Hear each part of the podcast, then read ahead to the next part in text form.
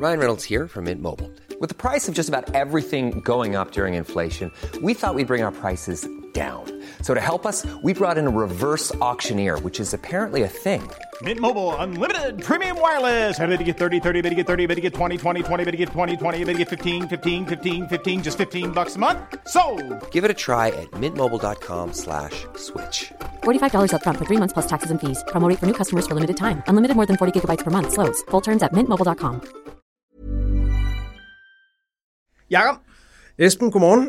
nys hjemvendt fra Norge. Jeg har været tidligere op, kan jeg godt love dig, klokken 4 for at nå et fly hjem fra Arendal. Mm-hmm. Hvad lavede du i, øh, hvad lavede du i Norge? Jamen, uh, Arendal, det er jo byen, hvor det norske folkemøde bliver holdt Arendals ugen. Mm-hmm. Øh, og det er den her uge, det slutter her øh, fredag i dag, hvor vi optager og har kørt siden i mandags. Mm-hmm. Øh, men det er første gang, jeg har været til det, og det var, det var virkelig sjovt. Mm-hmm. Hvad, hvad altså, kan det, kan det konkurrere med det danske? Øh, ja, det kan det på nogen måde. Det er mindre, vil jeg sige. Det, det er markant mindre end Allinge, mm. både i udbredelse, hvor, meget det, hvor stor en del af byen det fylder. Det er også mindre i den forstand, at der er, der er færre gåseøjne, almindelige mennesker, end okay. der er til det danske. Det, er, ja. det er mere en professionel forestilling end det danske. Det er jo, klichéen om det danske folkemøde er jo, at det bare er eliten fra salongerne i København, der tager over og snakker videre over i Allinge. Ja.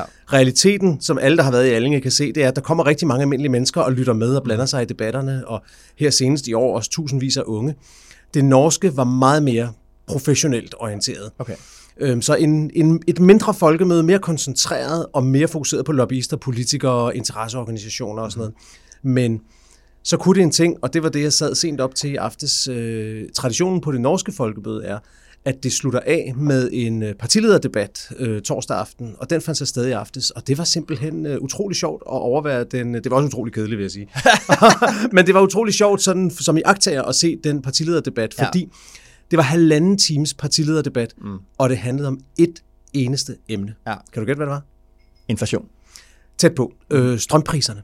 Aha. Strømpriserne er simpelthen, er simpelthen debatten i norsk politik lige nu, altså stigende strømpriser. Ja. Og det er utroligt sjovt, fordi at øh, vi har også stigende strømpriser i Danmark, Jo, tak. men, men, men i Danmark er det ikke blevet en, en specifik debat på samme måde, som det er især i Norge, men også i Sverige, hvor det her med de stigende elpriser, det er simpelthen blevet en meget stor debat. Mm-hmm.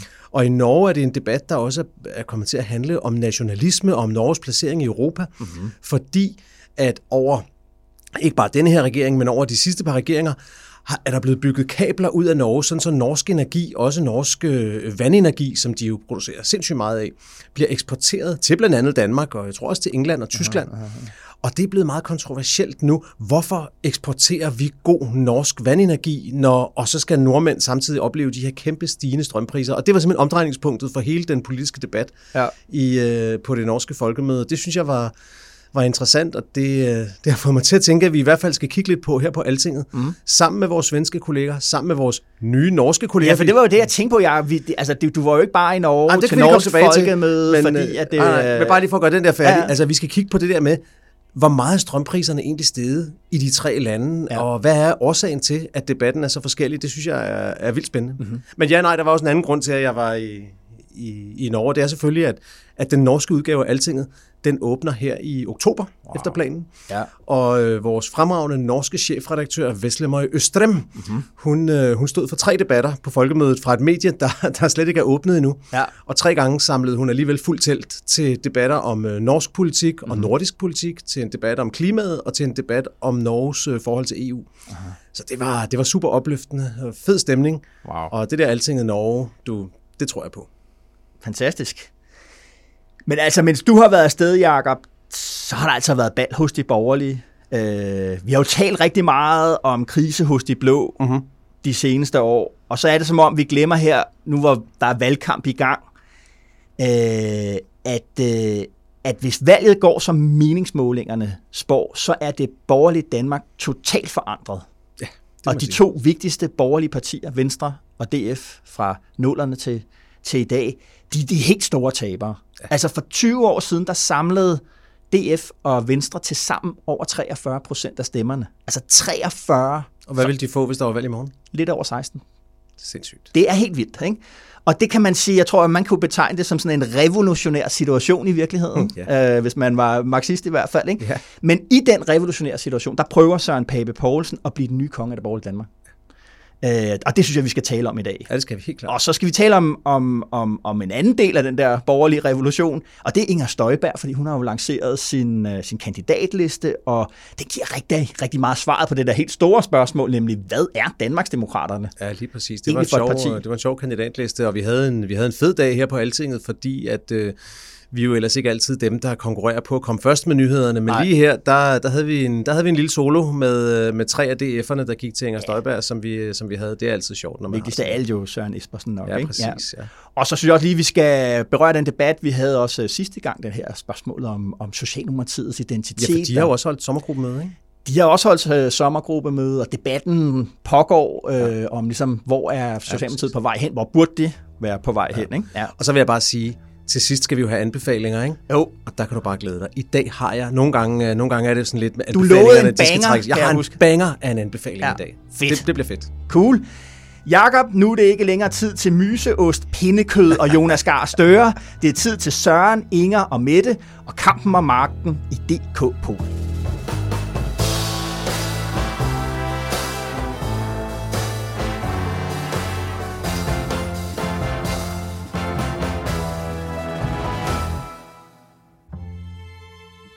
Fluen, Jakob. På hvilken væg vil du gerne have siddet? Uh, der er så mange steder, man godt ville have været denne her uge, men jeg vil nok helst have været... Tid, det går så hurtigt, så nu bliver jeg helt i tvivl, om det var i denne her uge, men jeg vil i hvert fald gerne have været inde på Ellemands kontor, da han lige kommer tilbage fra det der pressemøde, hvor han bliver spurgt, om Støjberg kan blive minister i hans regering. Han begynder at træde vande, og Ej, det skal jo... vi, ikke, skal, vi, skal vi ikke høre det, Jacob? Jo, lad os lige høre det. Har du det, det er faktisk også min flue. Så vi er, vi er to fluer på samme væg. Det viser, at vi ikke kan koordinere i hvert fald. Ja, ja. Nu hører vi lige her, Jacob. Kunne du så forestille dig at være statsminister i en regering, hvor en minister var dømt ved rigsretten? Prøv at høre, jeg kommer simpelthen ikke til at sidde og, eller stå og fordele ministerposter øh, og, og den slags i dag. Og alle de der bogstavkombinationer og hvem skal hvad og hvordan og hvorledes, det er minimum en postgang og et folketingsvalg for Det er jo tiden. meget principielt, kan man sige. Ja, og jeg, altså, jeg kommer ikke til at give dig et andet svar på det spørgsmål. Sådan er det.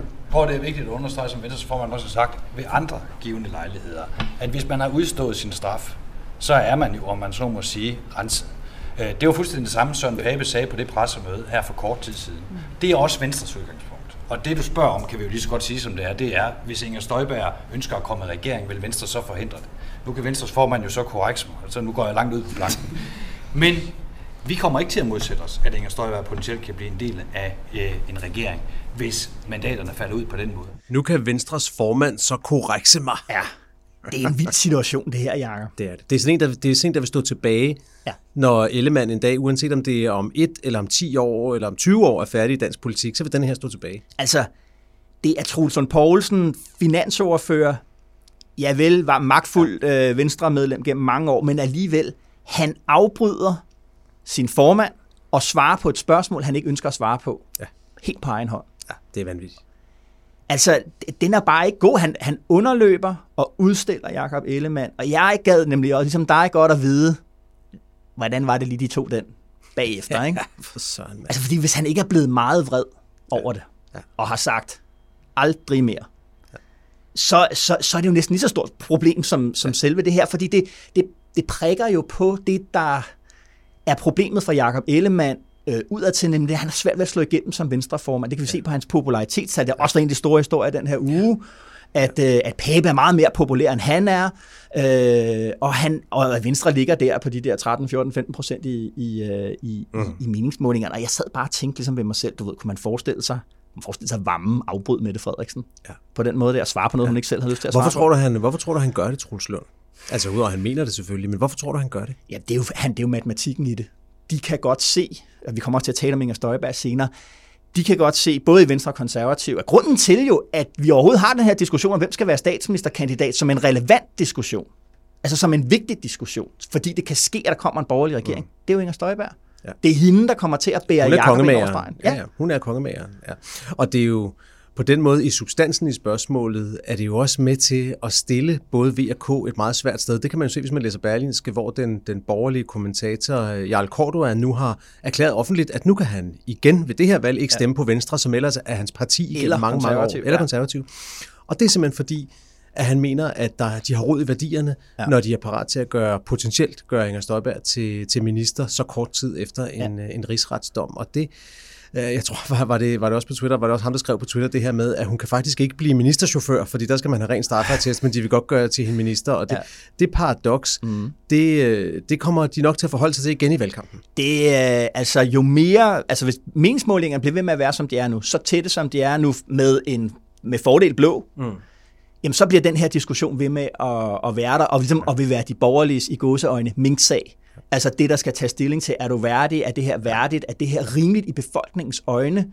Uh, tror I, altså, at man ser en, altså for otte måneder siden fik hun en fængselsdom for at have brudt med ministeransvarlighedsloven. Ja. Kan hun nu bare uh, ni måneder senere så gå ind på et nyt, i et nyt ministerium ja uden at have, uden sådan set at have erkendt, at hun gjorde noget galt. Jamen det er jo det. I denne her uge var der jo også, det var også en historie, vi havde på Altinget, som, øh, som jeg synes var, var sådan vigtig, en lille historie, men som var vigtig, det var, at i denne her uge rykkede Inger Støjberg tilbage til sit gamle kontor på Christiansborg. Ja.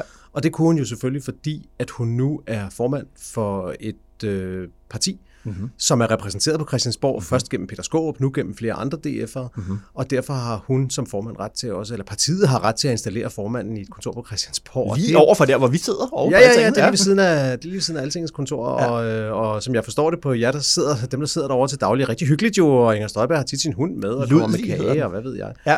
Men sagen er jo, at man kan jo se det på to måder. Det er jo helt efter reglerne. Partiet ja. har lov til at placere deres formand på Christiansborg. Der er ikke noget at komme efter. Men på en eller anden måde er det jo også en fremstrakt langefinger til, til, til det Christiansborg, som lige har erklæret hende uværdig og sagt, du er faktisk ikke værdig til at sidde her. Ja. At nu er hun en del af, af huset igen, selvom hun selvfølgelig ikke kan gå ned i salen og, og, og stemme. stemme. og alt det der. Ja, ja. Det, øh, den, den, øh, den debat, den, øh, den kommer til at fortsætte. Ja. Vi tager den, vi tager den fælles flue for en gang skyld, ja. og så, så siger vi, det var det. Mm.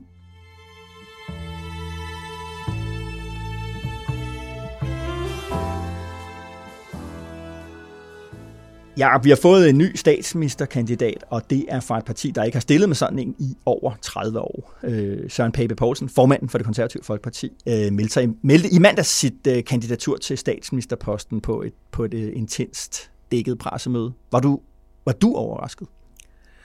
Nej, øh, altså jeg tror også, vi har snakket om det her. Han, han var jo statsministerkandidat, uanset om han erklærede det eller ej, og, øh, og på den måde var jeg ikke... Øh, var jeg ikke overrasket over det. Altså, man havde måske stadigvæk lidt den der tvivl, fordi at Søren Pape jo har lurpasset så utrolig meget, mm. og man ligesom vil, vil køre igennem hele valgkampen på den der med, nu må vi se, hvordan stemmerne falder og sådan noget ja. der, men, men, men det gjorde han ikke, og set i bagspejlet må man sige, det gjorde han selvfølgelig ikke, fordi det Nej. virkede helt, helt rigtigt i situationen, mm. at han ligesom sagde det, som det var, at den der, den går han efter. Ja. Altså, jeg tror, altså det jeg tænkte ved det i første omgang, det var, at jeg tror egentlig, at det havde været planen ligesom, at lancere efter et valg var blevet udskrevet. Okay. Men fordi at vi er altså, du ved, tidligt i en valgkamp, som sådan en, en kanin, eller en, en, ja. noget, der kunne vinde dagsordenen, eller hvad man skal sige, ikke? Øh, men, men på grund af den her mærkelige situation, vi er i, hvor vi ligesom, øh, vi er gået i gang med en valgkamp, selvom den ikke er udskrevet endnu, ja. på grund af de radikale sådan øh, øh mistillidsvotum ja. med, med forsinkelse. Ja øh, ja, så, så brugte han her ligesom anledningen til at sige, okay, nu er det, nu er det alligevel, nu valgkampen er i gang, nu, øh, nu, nu bliver jeg nødt til at lancere her. Og man, og man kunne se, at det var grundigt forberedt. Ikke? Man kunne se det på den måde, at de placerede det pressemøde på et sted, hvor de har lavet masser af test på at se, hvis Søren Pape står lige her, så har vi fuldt billede af Christiansborg, inklusiv statsministeriet i baggrunden. Man kunne se det på den måde, at busserne begyndte at køre med Søren Pape på siderne, ja, ja, ja. og at øh, alle de borgerlige aviser var fyldt med Søren Pape-annoncer i, i de følgende dage. Og man fik også lægget en, en intern øh, måling, så vidt jeg kunne forstå, til, til Ekstrabladet. Vores gode og, venner. Som, dem må de altså grave i over på, og hvad er det, den hedder deres podcast derovre? Brian Weikart, den der, det, det må du grave ud. Ja, Hvem var, det, hvem var det, der læggede den Der var meget kritik af det, fordi at man ikke rigtig ville frem med, hvor, hvor den måling egentlig kom fra. Og ja. selvfølgelig er det det, der er interessante med, havde det konservative folkeparti betalt en meningsmålinginstitut, øh, og så med den mistanke, der kan ligge i, at, at man så ja. havde spurgt på en måde, så tallene faldt ud ja, heldigt. Præcis. Jeg vil så dog sige, at de tal, som kom fra den meningsmåling, fuldstændig svarer overens med de tal, ja, ja, vi har fra, fra, fra, fra Opinion. Ikke? Så på den måde var der ikke noget, noget større i det, men Nej. lidt sjovt var det alligevel. Ikke? Jo. Men det, det, der så til gengæld var overraskende, synes jeg, og det er jo også det, vi skal snakke om, det har du også skrevet en helt analyse om ud på Altinget, det er jo, Det var jo det, der skete bagefter. Ja. For så kom de jo med et politikudspil. Ja. Fordi Socialdemokraterne nåede jo at sige, nå, nå, nu er Søren Pape statsministerkandidat. Ja. Nu må han snart komme med noget politik. Ja. Og der må man sige, så sagde Søren Pape, hold my beer, ja. og så kom han med den. Ja, ja, ja, ja. Og vi snakkede i sidste uges Dekopol om, du, øh, du, du talte meget om det her med Venstre, og hvorfor Venstre har så svært ved at være et, øh, et borgerligt parti ja. i økonomisk forstand. Ja.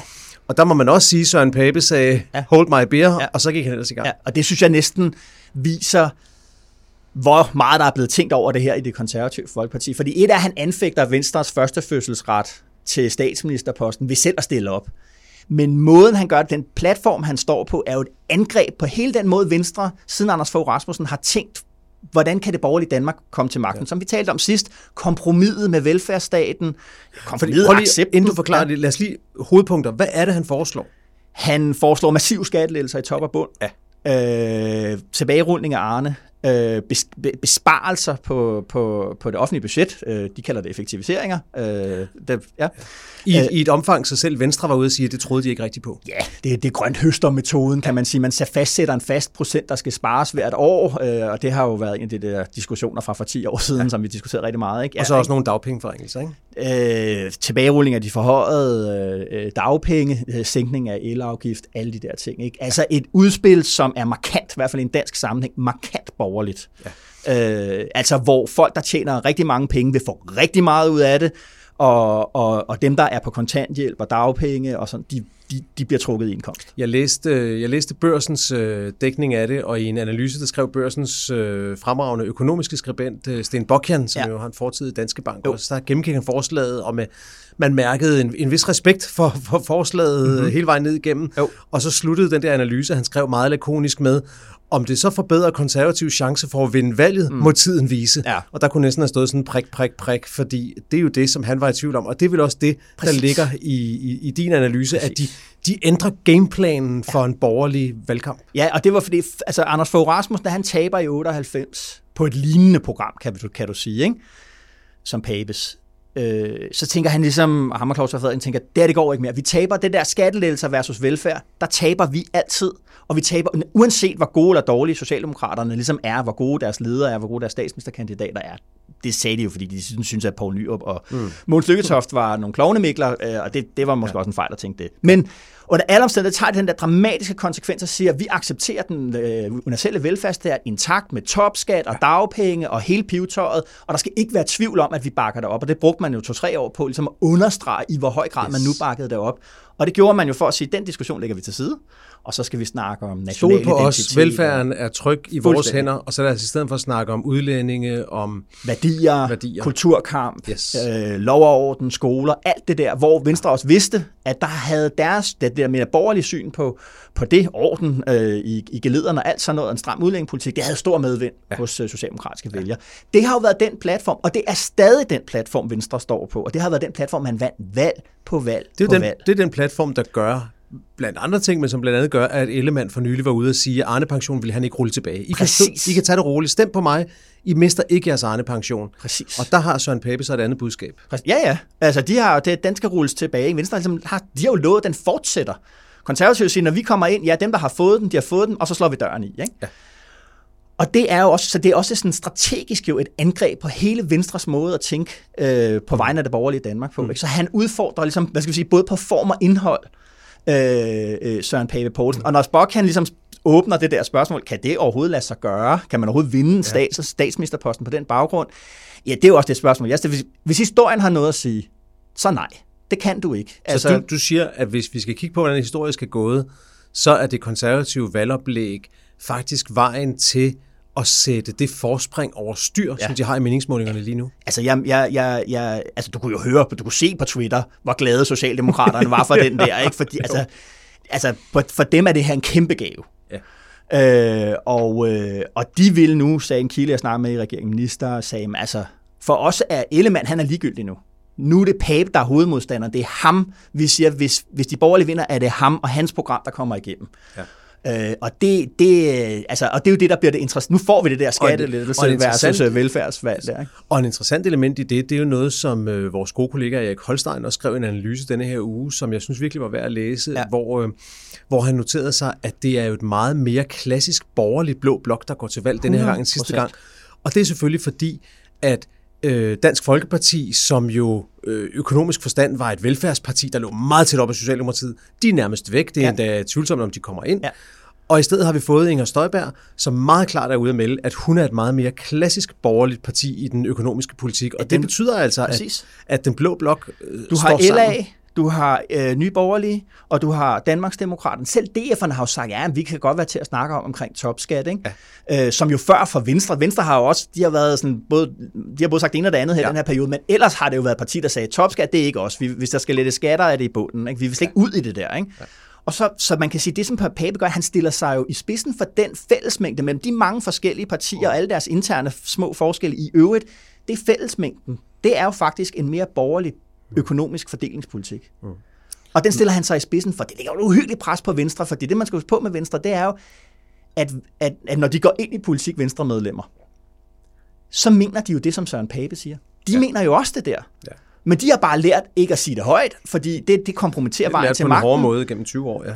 Altså, og der har været nogle, nogle af de der helt vilde, eks- det vildeste ja. eksempel på, hvor hårdt Venstres ledelse kunne gå til folk, der havde øh, så lidt anderledes på det der med fordelingspolitik. Det var jo den måde, Fogh og Claus Hjort, de smadrede tesemagerne med Søren Pind og PC Ej. og alle dem der, Leif Mikkelsen. Ej, Leif Mikkelsen, der jo sidenhen blev en vigtig del af Liberale Jeg Alliance. ikke? det der, man. Jeg var jo op, det var jo sådan, det var sådan et af de interviews, hvor Fogh kom tilbage fra en sommerferie, hvor han stort set ikke havde sagt noget hele sommerferien, Ja. og så inviterede han aviserne op på, på, på skift op på Marienborg til sådan interviews, hvor man kunne spørge om Ja. ja. det hele og det halve. Og hans budskab der, det var tesemagerne. Det var ham eller teserne. Det var Ja. simpelthen det, han sagde. Det var ham eller teserne. De Og ville vi- jo jeg kan sætte huske, dem jeg til var- afstemning på Venstres landsmøde. Ja, ja, ja, ja. Og der var det få, han bare sagde, prøv at høre, det er mig eller de der, den der afstemning, så er det uden mig. Ja. Og jeg kan huske, vi kørte hjem fra Marienborg på Politikens Christiansborg-redaktion dengang, og så ringede vi til Søren Pind og forklarede ham, hvad Fogh havde sagt, ja. og sagde, hvad, hvad trækker du dem og sådan noget? Han skulle ikke trække noget som helst, ja. Ja. og så gik der Ja. ja. en time eller halvanden, ja. så, øh, så, Så så det trak foldet han pænt sammen og lagt ned i en skrivebordskuff. Ja.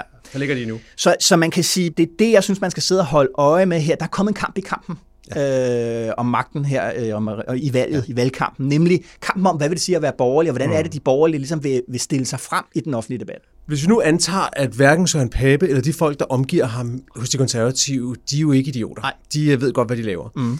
Derfor øh, har de sikkert også regnet det ud, som, øh, som du lige har sagt, nemlig ja. at det her, Ja. det øger sandsynligheden for, at de mm. ikke får væltet Mette Frederiksen ja. denne her gang. Ja. Hvad, er så, hvad er så det, der gør, at de gør det alligevel? Jamen, det er jo at, at komme ud af den der lillebrorrolle, som konservative har haft i forhold til Venstre. Altså, det, vil- de går efter, som jeg sagde, kongen af det borgerlige Danmark. Altså, det skal være dem, der er defineret. I hvert fald skal de være ligeværdige med Venstre. Det kan, de vil ikke længere... Jeg tror, analysen hos, hos de konservative er, når vi per definition er i lillebrorrollen, så kan, så kan vores meningsmålinger ligesom ramme 10% eller de kan ramme lige ned over spærregrænsen. Altså, du ved, ja. vi, vi kan vælge mellem forskellige typer af at være ligegyldige. Ja. Og blive kanøflet, og blive til grin, og blive sparket over skinnebenene. Det var jo i nålerne, det- dem af lytterne, der kan huske nålerne. Altså det konservative Folkeparti var jo, var jo et, man altid kunne stikke nogen på skrinet. Ja. Og det gjorde man. Altså du ved, jeg kan huske, Christian Jensen engang sagde, at Ben Benson var på månen fordi ja. at han ville øh, forringe dagpengene eller reformere dagpengene. Altså, du ved, noget, der havde været venstrepolitik lige indtil ja. øh, weekenden før. Ikke? Altså, så, så, så, så det vil de ud af. Ja. Og den måde at gøre det her på, det er ved at udfordre øh, ret, altså første fødselsretten på statsministerposten, hele setup, hele det strategiske setup for det borgerlige Danmark, og er selvfølgelig en konsekvens af, at at Venstre er blevet små, at DF er blevet små, at der er kommet de her små randpartier rundt om, som alle sammen er mere borgerlige, mm. jamen der tænker man, vi kan konsolidere vores position øh, og blive taget seriøst på en anden måde. Der skal man jo bare huske på, at der kom, nu kommer der jo til at være, det håber partiet i hvert fald, dobbelt så mange øh, vælgere, der går ud og stemmer konservativt, med det i hovedet, at formanden skal være statsminister.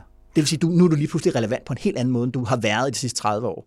Og det tror jeg er gamet. Jeg tror, de er villige til at sige, prøv at høre, vinder vi statsministerposten fedt, taber vi valget, jamen så kan det også være fedt, fordi vi kan have lavet fundamentalt om i, hvordan øh, tingene hænger sammen i den borgerlige blok. Ja, okay.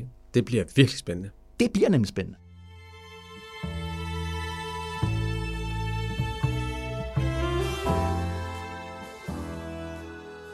Nå ja, men nu skal vi tale om uh, Inger Støjberg, fordi som vi sagde før, det er hele spørgsmålet om, du ved, Pape eller Ellemann, hvem skal være statsminister. Grund til, at det er spændende, det er jo fordi, at Inger Støjberg har fået og fastholder stadig de her meget vilde meningsmålinger over 10 procent.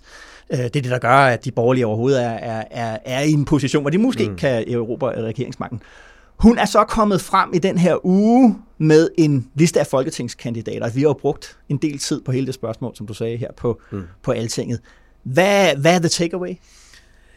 Jeg synes, øh, jeg synes, der er flere. Jeg synes, øh, flere overskrifter, man kan sætte på det. Altså, man kan, for det første synes jeg sige, at hun har været meget omhyggelig med at bevare posten som, øh, og bevare kontrollen med partiet. Ja.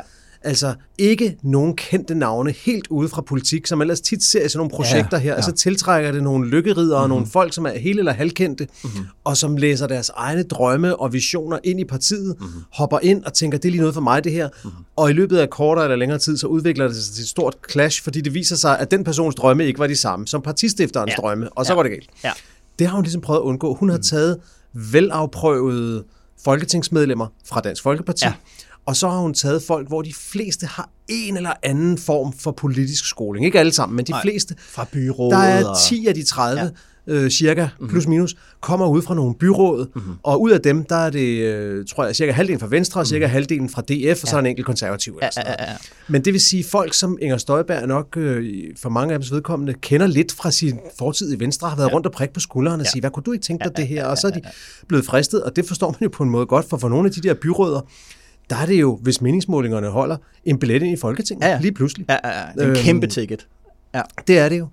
Øhm, så, så det er et takeaway. Et andet takeaway, synes jeg, er, at det er mere DF end Venstre, når man kigger på det. Mhm. Øh, og det er det jo på, den, på, på et par måder. Det er det på den måde, der simpelthen er flere DF'er. De store navne er DF'er. Der er ingen store Venstre-navne, der har meldt sig. Skårup, øh, Espersen, ja. Hans Christian Skiby, ja. øh, Jens Thulesen Dahl. Ja. Ja, altså det er velafprøvede folketingsmedlemmer fra Dansk ja. Folkeparti. Der er ingen Øh, Malene Harpsø, tidligere folketingsmedlem for DF, er også med. Mm-hmm. Ingen venstre folketingsmedlemmer, der Nej. har meldt sig under fanerne.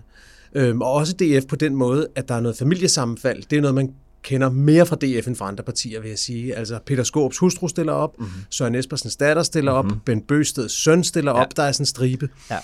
Øhm, det er også en DF-træk, som måske også afspejler, at hun har haft lidt travlt med at samle de kandidater sammen. Selvfølgelig, det er klart. Hun skulle stille med noget, der virkede ja. troværdigt, øh, og ja. det er meget hurtigt, fordi lige pludselig så var der, ja. var der, var der valgkamp. Hun har ikke haft tid ja. til at bygge, bygge ja. op over lang tid. Det tror jeg nu også er til hendes fordel, altså hvad kan man sige, fordi der er grænser for, hvor hvor meget de kan blive testet og, ja. og, og prøvet. Ikke? Men så var der en sjov ting ved den kandidatliste. Det var det, du sagde, da vi skrev om det den anden dag. Det der med, du mindede om det, uh, Claus Hjort havde sagt en gang om, at, uh, ja. at Venstre og Dansk Folkeparti har et værdifællesskab. Præcis. I 2006. Jamen det var jo... Uh, Venstre blev jo hæftigt kritiseret for den der alliance, altså som var stærkere med DF, end den egentlig var med, med de konservative. Det var jo altså under tiden sådan, at DF'erne, Pia Kjærsgaard, blev orienteret om politiske forslag og finanslovsudspil ja. før. Før regeringspartneren. Før regeringspartneren ja. gjorde, ikke?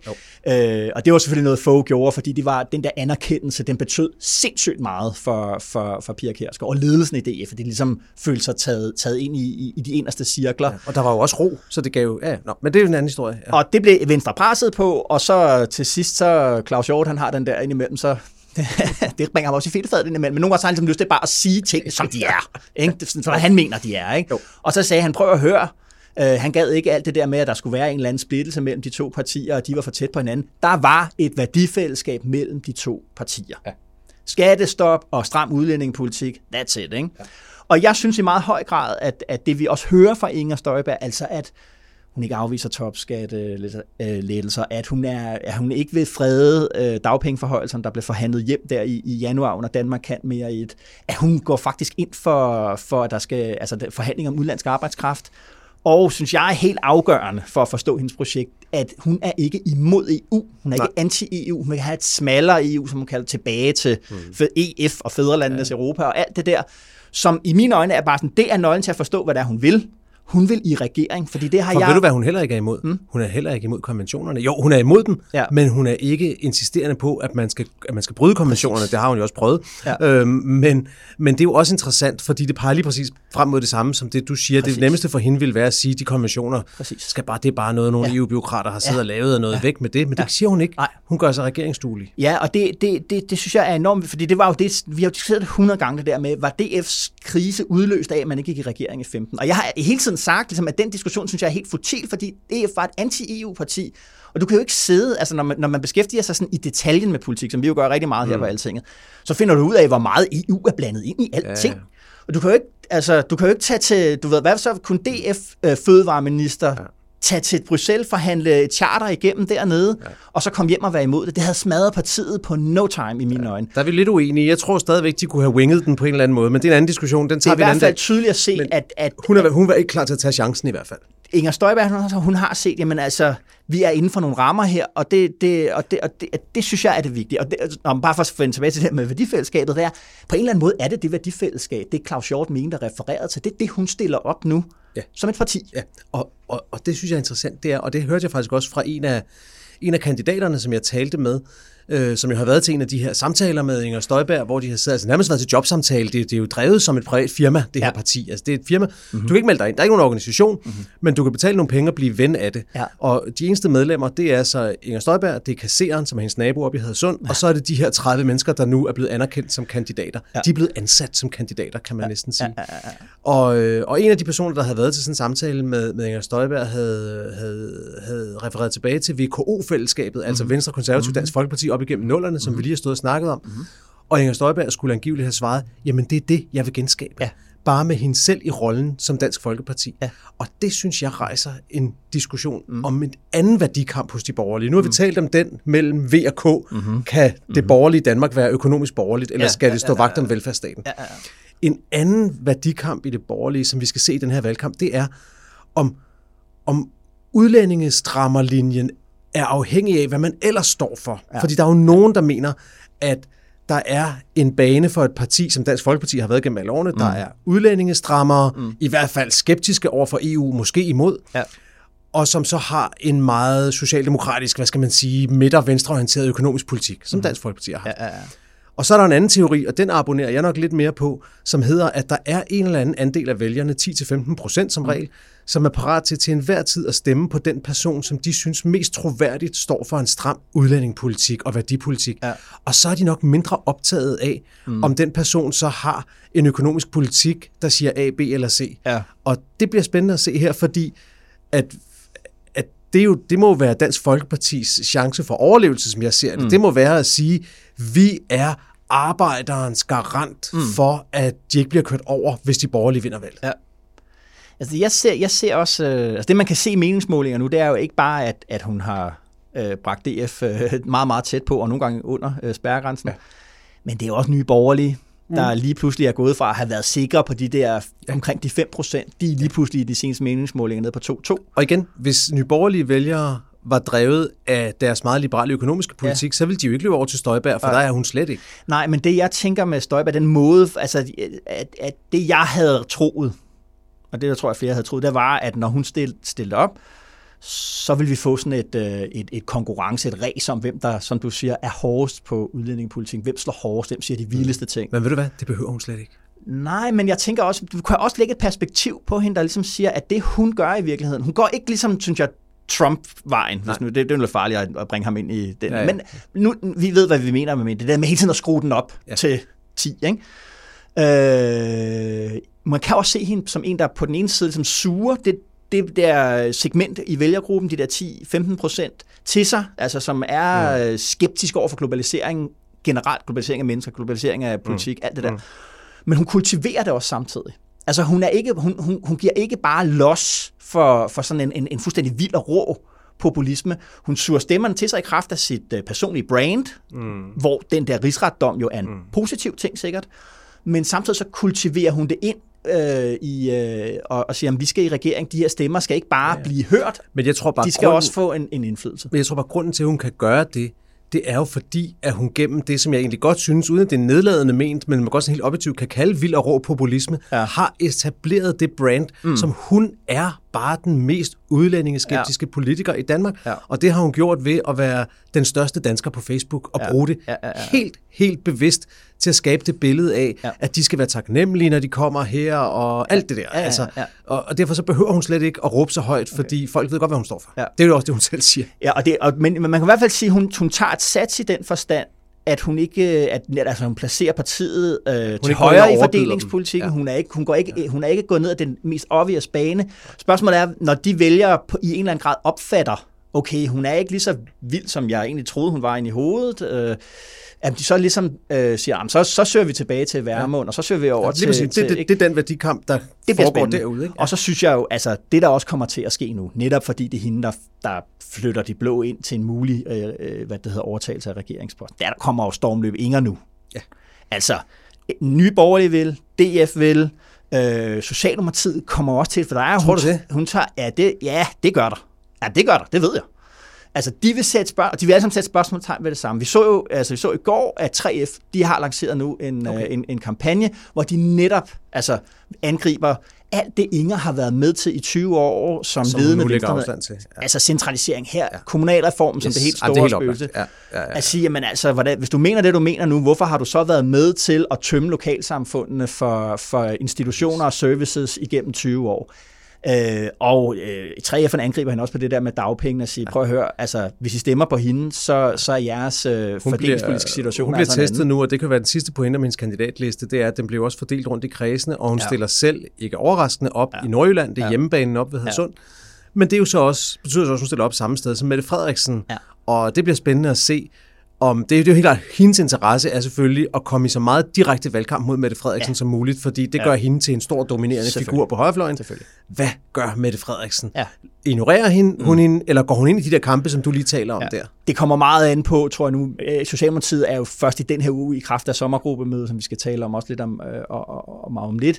De er jo først nu ved at rulle noget, der minder om en, en, en valgkamp øh, i tidlig fase i gang. Og de sidder selvfølgelig og ser, okay, hvordan forholder meningsmålingerne sig? Fordi hvis de ikke skal skubbe særlig meget til det der med Pape og fordelingspolitikken, før at, at meningsmålingerne går vores vej, jamen, så er der jo ingen grund til, at statsministeren øh, går, går ind i mange hårde infights med, mm. med, med Inger Støjberg. Ikke? Altså, så så, så de, de har sat lidt i gang, Øh, og så ser de, tror jeg, lige, mm. hvad der sker her det næste stykke tid, ikke? Øh, før, før, før de afgør sådan noget. Men det er klart, står den, er den så meget på vippen, som den er nu, så vil der være, altså så, så, så, kan du, så bliver hun nødt til, du ved, hvis det er sidste uge i valgkampen, og den stadig er på vippen, så bliver Mette Frederiksen nødt til at kaste ind i den del af det også. Så kører hun direkte fra duellen med de to statsministerkandidater, Pape og Ellemann, ja. ud og tager en direkte duel med hende, som det virkelig handler om, nemlig ja, Inger Støjberg. det tror jeg.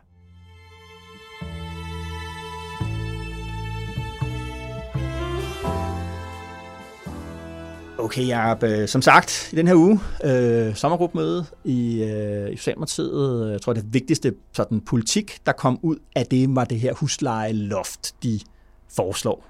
Altså, at, øh, at øh, de af os, der bor til leje, øh, vi skal huslejer er, altså udlejere må fastsætte lejen efter inflationen, og den er jo eksploderet, og vil man så ligesom, øh, øh havner man så i en situation, hvor der er lejere, der, der bliver, vil blive sat for hus og hjem. Mm. Hvis, og det, det, den, den har de kastet sig ind ja. i så Der, vi skal have lavet en eller anden form for loft, hvor man siger, huslejestigninger indtil det her punkt øh, øh, må man ikke overskride. Ja. Ja. Der, var en, der var en forskellig slags konkret politik. Jeg synes, jeg synes, det er rigtig interessant ved det pressemøde, de holdt lige efter sommergruppemødet, det er, at det var sådan et eksempel på et sted, hvor man som journalist sådan set bare skal sætte sig ned lidt og lytte, hvad de siger, så får man utrolig meget forærende. Ja. Fordi vi er meget tæt på et valg. Ja. Mette Frederiksen sagde sådan lidt, der er mind- højst et år til valget, ja. og det er rigtigt, men de fleste af os ja. tror jo, at der er ja. lidt mindre end et år til valget. Og man agerer selv sådan. Og man agerer selv sådan. Ja.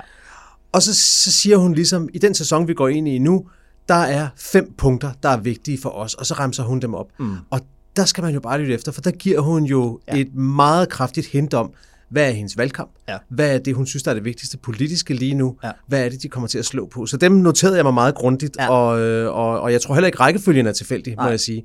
Og, og, og hendes top 5, det var jo nummer et, det var, apropos de huslejeloft, mm-hmm. du mhm. lige talte om, det var inflationen. Ja. Det var det vigtigste emne. Priserne stiger, ja. danskernes købekraft er i fare. Øhm, nummer to, det var velfærd. Ja. Det er det her med, at mange oplever, at øh, de ikke får den behandling, de øh, regner med. Mm-hmm. Og der spillede hun på, en, øh, på, på et stort orkester, der hed både det her med personalemangel, ja. hun spillede også på det, der hedder for meget byråkrati ja. og, og for lidt sådan rigtig pleje de ja. varme hænder, som ja, man siger. Ja, ja, ja. Men velfærd som, som nummer to. Mm-hmm. Så nummer tre, og det kom lidt bag på mig, mm. nummer tre på hendes liste, det var kriminelle udlændinge. Ja. Altså det var udlændingepolitik, mm. og det var specifikt ja. manglende integration, ja drenge, der laver ballade ved S-togstationerne, den hun frem igen. Hun sagde, jeg ved godt, I blev sure, da jeg sagde det for to år siden, ja. men de er der stadigvæk, ja. og det er stadig et problem. Mm. Ikke den del af udlændingepolitikken, som egentlig fylder mest i medierne lige nu, ja. nemlig alle de syre og afghanere, vi er ved at sende hjem, ja. og som øh, mange af dem er velintegrerede, ja, ja, ja. og er folk, vi har brug for. Altså, det nævner hun overhovedet ikke med et ord. Det var kriminelle udlændinge. Ja. Nummer 4, land og by. Ja med, med, med streg under og by. Ja. altså ja, ja. distriktspolitikken, hele det her udflytning, ja. men hvor hun gik den der balancegang, der hedder, mm. vi skal gen, øh, vi skal revitalisere ja. yderområderne, ja. men vi skal også gøre noget for ja. byerne. Det ja. huskede hun at sige. Ikke? Ja, ja, ja. Og, øh, og så som det femte nævnede hun klima. Det ja. kom som nummer fem. Den var med, men ja. det var nummer fem. Ja.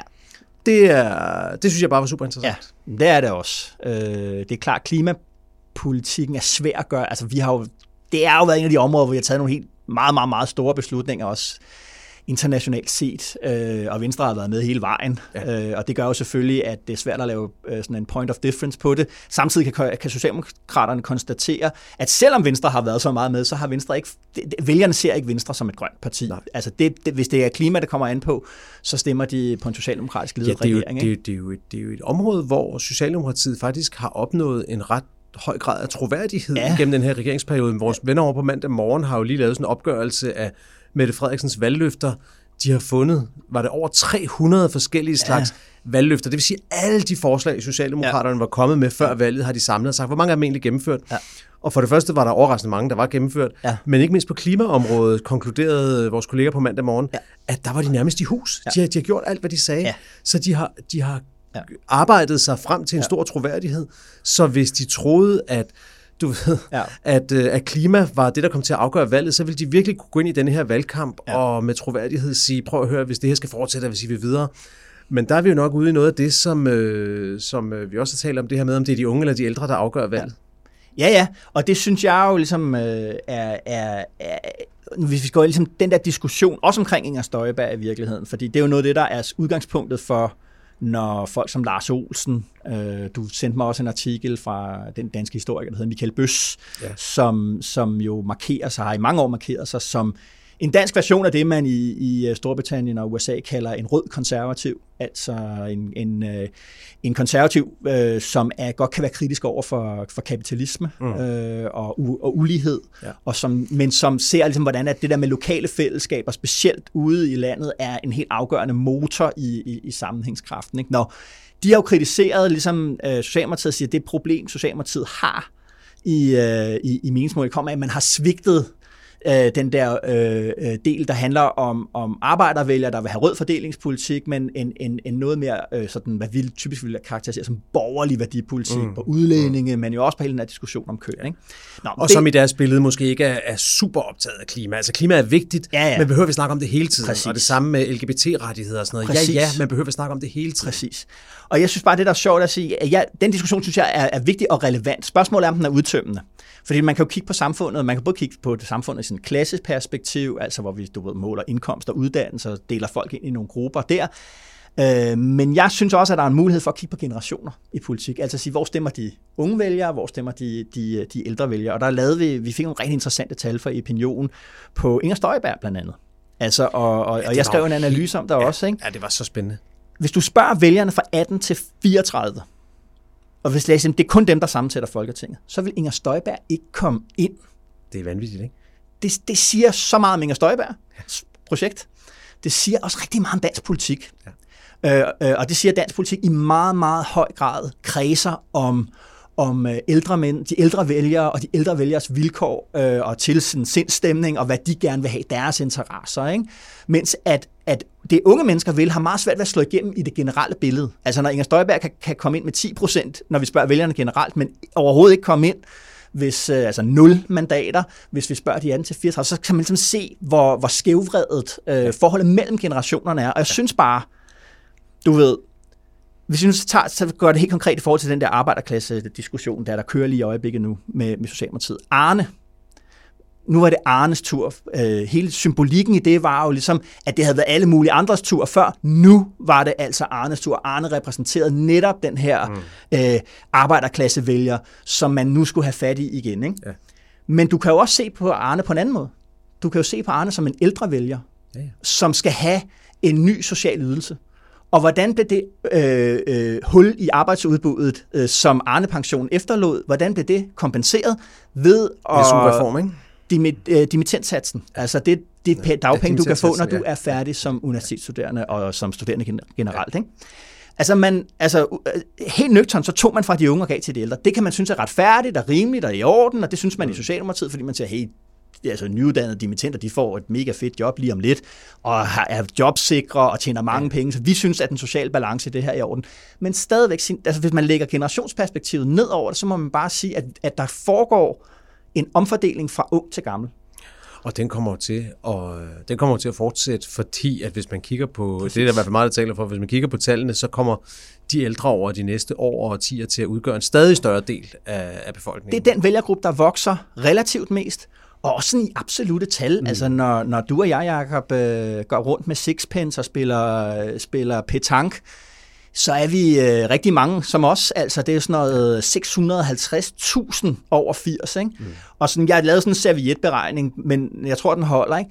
På, I 2060 må det være, øh, der er over halvdelen af vælgerne over 55 år.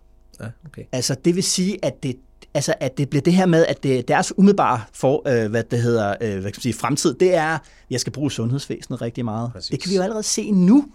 Hvorfor ligger sundhed nummer et? Hvorfor er vi så optaget af sundhed? Ja, det er altså også en konsekvens af, at det er ligesom, øh, fordi vi har rigtig mange ældre og ældre mennesker bruger sundhedsvæsenet. Der er ikke noget, igen, det er ikke nogen moralsk diskussion på den måde, at, at man anklager nogen. Nej, nej, og så at vi, det kombineret med, så, man taler om det der demografiske, ja. demografiske træk, mm-hmm. øhm, ja. som, øh, som, som jo i, når man taler om det i politik, så betyder det bare, at udgifterne skal stige så meget, så at hvis der er 100 kroner til hver ældre i dag, mm. så hvis der er øh, 10% ekstra ældre, så skal mm. der så være, stadigvæk være 100 kroner til hver ældre, ja. sådan så at, at man i hvert fald holder samme niveau. Præcis. Men realiteten i udviklingen i samfundet er, at vi alle sammen, når du og jeg bliver ældre mm. om øh, mange, mange, mange, mange år, så vil vi jo have andre forventninger til den service og den pleje og det sygehus, vi skal ja. møde, ja. end vores forældre ja. Ja. og dem, der har bedsteforældre, har lige nu.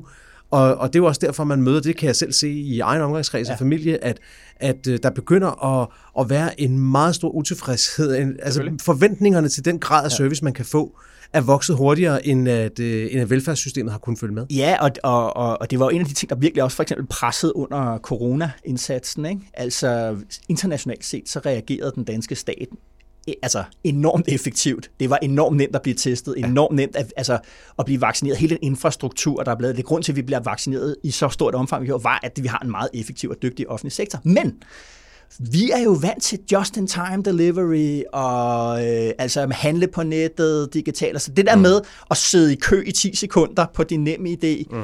altså det skaber bare i sig selv, det kender jeg også for mig selv, man sidder og slår i bordet og siger, ja. Øh, ja. byråkratiet i Danmark, ikke? Men altså, jeg har boet i, øh, i, i Tyskland, øh, da jeg studerede, ikke? Altså, at skulle registrere sig som borger i Berlin, det tog en dag. Og det var altså med skankepaver og formularer og kø, og så, du ved, man tænkte, nu, nu er det mig lige om lidt, mit nummer kommer lige om lidt, og så blev klokken 12, og så var der en time til igen, ikke? Ja. Altså, helt sindssygt.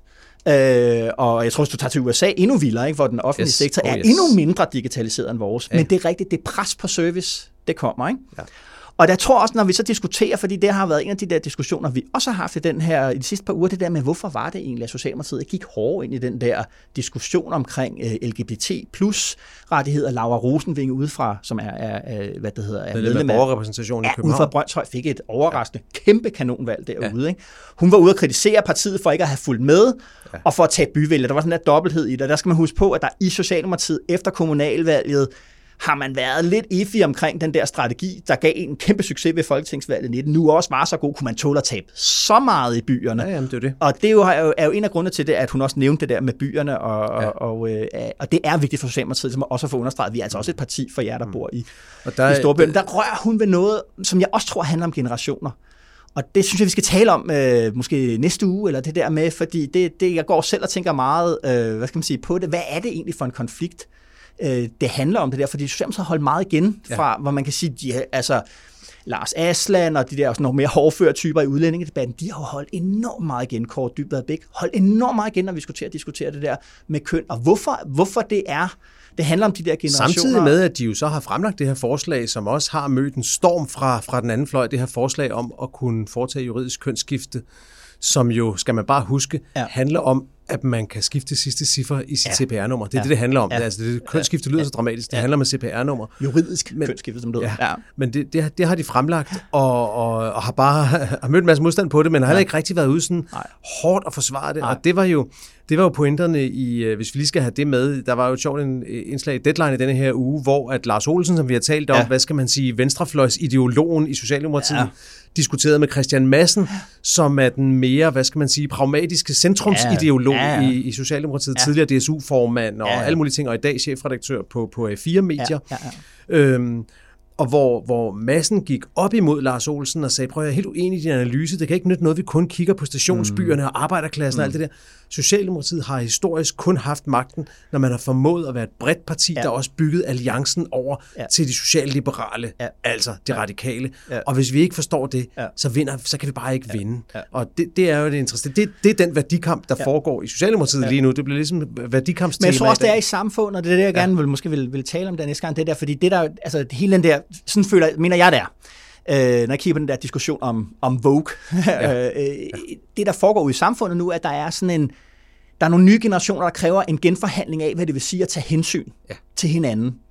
Øh, og, og, øh, og det provokerer rigtig mange, fordi vi vil alle sammen rigtig gerne, vi opfatter jo, jeg tror også dem på, på en borgerlig fløj, som er meget anfægtet af det her, de siger, jamen jeg er da en hensynsfuld person. Vi har lige stillet. Jeg er, ja, men jeg tror også, de tænker til sig selv, jeg er et, altså i godsøjne et godt menneske, jeg tager hensyn, jeg går ikke og ser ned på folk på grund af deres øh, seksualitet og deres køn og mm. deres, øh, deres øh, hudfarve og sådan noget. Jeg vil ikke have det siddende på mig. Mm. Øh, og, øh, og den diskussion er, er, er, er super, øh, er, jeg synes jeg er super interessant. Den vil, den vil jeg egentlig gerne følge lidt op. Øh, ja, lad, os, lad os prøve at vende tilbage til den. Der er rigtig meget at sige om den, men hvis vi så lige skal, skal komme tilbage til det, vi egentlig øh, kom fra herinde i Socialdemokratiet, så ja. synes jeg så, når man kigger så på, det der, på den der fempunktsplan, som Mette Frederiksen lagde frem, inflation, velfærd, kriminelle udlændinge, land og by og klima, så synes jeg så også, at vi har en idé om, altså, at de, de, de taler lige præcis ind i det, du også sagde i starten, mm. i en valgkamp, hvor de repræsenterer den almindelige danskers mm. værn mod en, øh, en ja. meget, meget usikker global økonomi, ja.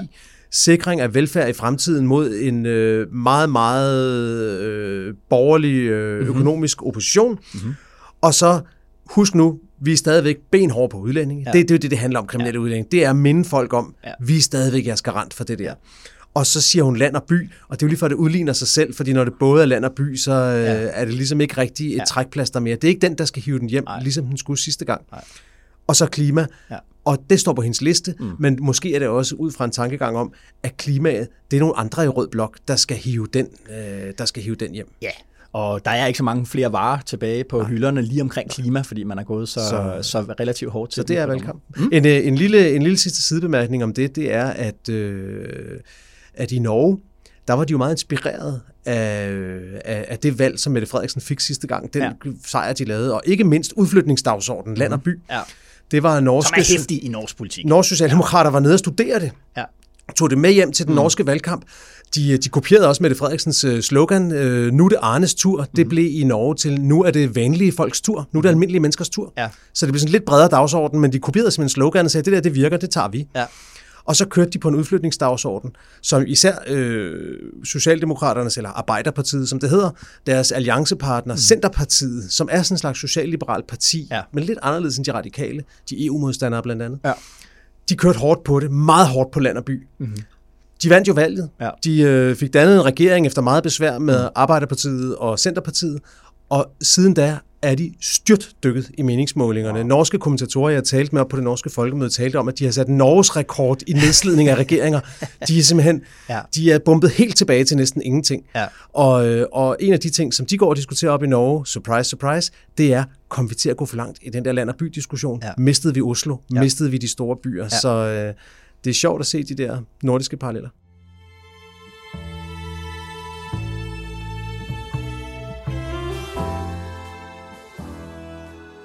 Hvad står weekenden på, Jakob? Hvad står weekenden på? Jeg skal... Jeg skal, til, jeg skal ud på landet til en 50-års fødselsdag ude ved, ude ved vandet oppe i Odshavet. Det bliver wow. skønt. Odshavet er dejligt. Jeg elsker det. Ja. ja, så flot. Mm. Øhm, og så ved jeg ikke, så skal jeg gå og have abstinenser over, at øh, den podcast, jeg har gået og lyttet på på det seneste, den er, den er overstået. Jeg ved simpelthen ikke, hvad jeg skal gøre. Det er, det, der, det er lidt ligesom, når man har læst en god bog, når man har haft sådan en rigtig god podcast i øret. Jeg kan næsten ikke have, Er det, den er, det, slut. det, er det din banger? Vi er, vi, er ude, i- vi er på vej ind i vores anbefalinger okay. Her. Vi er på vej ind i, i bangeren. Er det okay? eller Ja, ja, lad os få den Ja, okay. på. Lad os få den på. Altså, og jeg vil faktisk godt gøre det denne her gang, at øh, for lige at, at sætte scenen for denne her anbefaling, og vi måske lige kunne øh, spille en lille smule lyd. Ja. Og det, jeg egentlig godt vil spille for dig, det er bare det første minut eller halvandet minut Ja. af den podcast-serie, som jeg godt vil anbefale. Skal vi ikke lige prøve at høre det? Jo. Øh, det kommer bare her. It's Christmas Eve 2020 when Jackson Reffett makes the biggest decision of his life. He's been watching anime in his bedroom, or trying to. I just hear uh, behind my wall my dad talking about the government and Nancy Pelosi, and it's all mumbled. And I'm just like, God, like, this is just, it's crazy. Like, it's crazy talk. Jackson's 18 years old, and he's come to the conclusion that his father is a dangerous man, and he needs to do something about it. What did he say that made you think he could be violent? That he's going to do something big. And I know that's very uh, vague, and that's what I think triggered me to be so worried about it is how vague it was and how, um, I guess, active he was. It just got to a point where I was getting so paranoid and anxious and nervous that I didn't really, I almost wanted to take this off my shoulders and give it to someone else. He Googles how to tip the FBI. A text box pops up. Jackson looks at the blank space and gives himself a pep talk. Okay, I'm going to do this right now. I have to do this right now. Um, get it over with. I'm going to just do it. He starts to type. I don't know what my dad's doing. He's a part of a couple organizations, Texas Freedom Force, I believe it's called. He's prominent Three Percenters. He says he's high up in the organization. He says he's doing something big. I don't know what, but I'm just worried. I don't know where he's going. He might do something soon. I have no idea. And send. Will Be Wild. Will Be Wild. Det er, Hvad er det det er en podcast om 6. januar, om angrebet på kongressen. Og det vi lige har hørt, det er, det er en ung fyr på 18 år i Texas, der seks dage før angrebet på kongressen, ja. sidder hjemme i Texas, hører sin far tale om et eller andet stort, der kommer til at ske. Hmm. Og så skriver han simpelthen til FBI og siger, at der er noget helt galt her. Min far er ved at gøre noget helt galt. Wow. Og, øhm, og vi, ved jo, øh, vi ved jo, hvordan det gik. Øh, 6. januar. faren og en masse andre mennesker tog til Washington, ja. Og de gjorde noget helt galt. Ja. Og øh, faren øh, sidder i dag i fængsel og øh, kommer sandsynligvis ikke ud igen i sin, øh, i sin levetid wow. for sin rolle i øh, 6. januar angrebet på kongressen. Ja. Øhm, og hele, hele den familiehistorie, der ligger der, er i sig selv helt vanvittig. Mm-hmm. Men det, som denne her podcast Will Be Wild gør, det er, at den genfortæller historien om 6. januar på en måde, som jeg ikke troede, jeg behøvede. Jeg troede, jeg havde læst nok om det. Jeg vidste ja. godt, hvad der skete. Ja, ja, ja. Men, men, men den, giver, den giver et nyt perspektiv på det, og den besvarer det spørgsmål, som jeg har stillet mig selv, og ikke synes, jeg har fået ordentligt svar på før. Ja. Det er, hvorfor var de ikke bedre forberedt? Mm. Hvorfor, hvorfor så de det ikke komme? Altså myndighederne. Myndighederne. Ja. Hvorfor var der ikke flere politifolk? Hvorfor var der ikke bedre afspærringer? Hvorfor, øh, hvorfor var de ikke forberedte? Ja. Will Be Wild-titlen, det kommer jo fra, fra det tweet, som Trump sender ud nogle dage før 6. januar, hvor han inviterer sine tilhængere til at komme til Washington for mm-hmm. at være med i hans store protestoptog der. Og, og der slutter Donald Trump jo det, det opslag af med at skrive Will Be Wild. Wow. Og det blev det jo. Ja, ja, ja. Men og uden, at, uden at spoile, fordi der, er- der er masser af guf i den her podcast, eller guf er et forkert ord, fordi ja, ja. Det, der er altså, der, det er chokerende indhold ja. i den podcast. Ja. Og det, som den fortæller, det er jo historien om et angreb, som efterretningstjenesterne fuldstændig havde forudset. De vidste, det ville komme. De ja. så det komme. Der var folk, der advarede om det. Men hver gang de advarede om det, så blev de forflyttet, eller fyret, eller overhørt. Wow. Altså, det, det var med vilje, Esben. Ja. Altså, og, og det tegner jo billedet af ja. noget, som var en... Øhm, som var et kupforsøg. Ja. Altså, øh, og, og, øh, og jeg anbefaler virkelig, at man hører den, mm-hmm. fordi at øh, nogle af de der efterretningsfolk siger jo også nogle virkelig tankevækkende ting i forhold til, at de siger, øh, Jamen, det var ikke et spørgsmål om, at vi afværgede en kugle øh, 6. januar, og så truslen overstået. Mm. Det her, det var første forsøg. Mm. Det kommer igen mm. på en anden måde, en anden form, mm. og næste gang bliver det endnu mere farligt. Og jeg er bange for, at vi ikke er ordentligt forberedt, siger nogle af de her efterretningsfolk, som altså sidder med de her ting. Øhm, og øh, der er, øhm, altså en af de, nu skal jeg nok snart stoppe med at snakke om, men den sidste pointe, der er en politimand med, en af de politifolk, som bliver overfaldet i forbindelse med angrebet, som bliver slæbt ud, blandt andet af ham her faren, vi lige mm-hmm. hørte om. Mm-hmm. Politimanden, som bliver slæbt ud af kongressen, bliver mm bliver banket mm. og øh, bliver øh, trykket med sådan en strømpistol også ja. og sådan noget. Han er også med i podcasten, øh, og, øh, og han siger jo øh, blandt andet, at han sådan set ikke i den grad bebrejder sådan en som faren der, som jo har gjort noget galt og skal straffes, men han lægger selvfølgelig skylden på ham, som stod bag det, og ja. han peger entydigt på Donald Trump. Det var, han, det var ham, der gjorde det. Ja. Det er um, spændende. Det er virkelig god podcast. Jamen, jeg, så, så, nu ved jeg også, hvad jeg skal nu, i weekenden. Nu ved vi, hvad du skal i weekenden. Ja, ej, jeg skal også... Øh, Nye Borgerlige har jo sommergruppemøde. Nå, for pokker. Så jeg skal i øh, TV2 News og sidde og kommentere det. Okay. Med hans enkel. Okay. Ja, ja. Det så nu hyggeligt. er der ligesom der er krydset en, en målstreg her. Ah, okay. Mm. Ah, det er godt. Og hvad, hvad, hvad har du med til os at anbefale? Jamen altså, nu har vi jo talt om inflation i forskellige øh, afskygninger. Det bliver et inflationsvalg. Øh, og du ved, vi taler om renter og priskontrol jo igen. Altså huslejeloftet, som Socialdemokratiet foreslår, er jo en form for priskontrol. Øh, og det vil sige, at vi går med og diskuterer det hele det er vi tilbage i 70'erne, vi ser også ligesom, hvad skal man sige, borgerlige øh, sindede økonomer, som monetarister siger, åh, vi er på vej tilbage til mm. 70'erne. Øh, igen, øh, altså den her situation, hvor politikerne øh, ikke tør gøre nok for at tæmme inflation, men tværtimod bidrager til den ved hele tiden ja. at dele pengegaver ud øh, i, i, til højre og venstre. Ikke? Yes. Hele den der diskussion. Og, øh, og det har så ført tilbage til, til det der med, var vi tilbage i 70'erne, og det rejser jo selvfølgelig spørgsmålet. Hvad var det egentlig, der skete i 70'erne? ja, ja. Og øh, der vil jeg gerne smide et, øh, et essay fra 1. juli i Foreign Policy af Adam Tooze ind. Ah, så kommer han tilbage. Han er jeg tilbage i potten. Ja, ja. Øh, og øh, jeg synes faktisk, det giver sådan et... Øh, han markerer også sin holdning øh, to selv til sidst.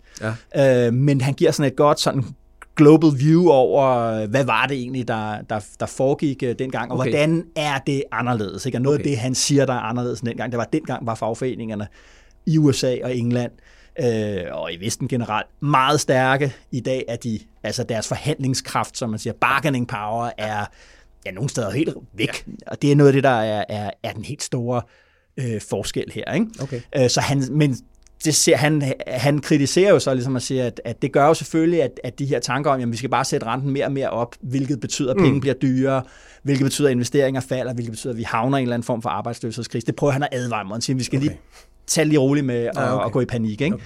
Øhm, så forstå 70'erne og inflationen ja. og forstå angrebet på kongressen. Det er ja. vores to anbefalinger i den her. Det er det. Perfekt. Skal vi sige, det var det, Jacob? Ja, lad os gøre det. Vi ses igen i næste uge. Det gør vi, jeg glæder mig. Og tak til dig derude med DK Pol i ørerne. Det er vi som altid enormt taknemmelige for. Vi øh, vender tilbage igen øh, næste fredag. God weekend og god vind.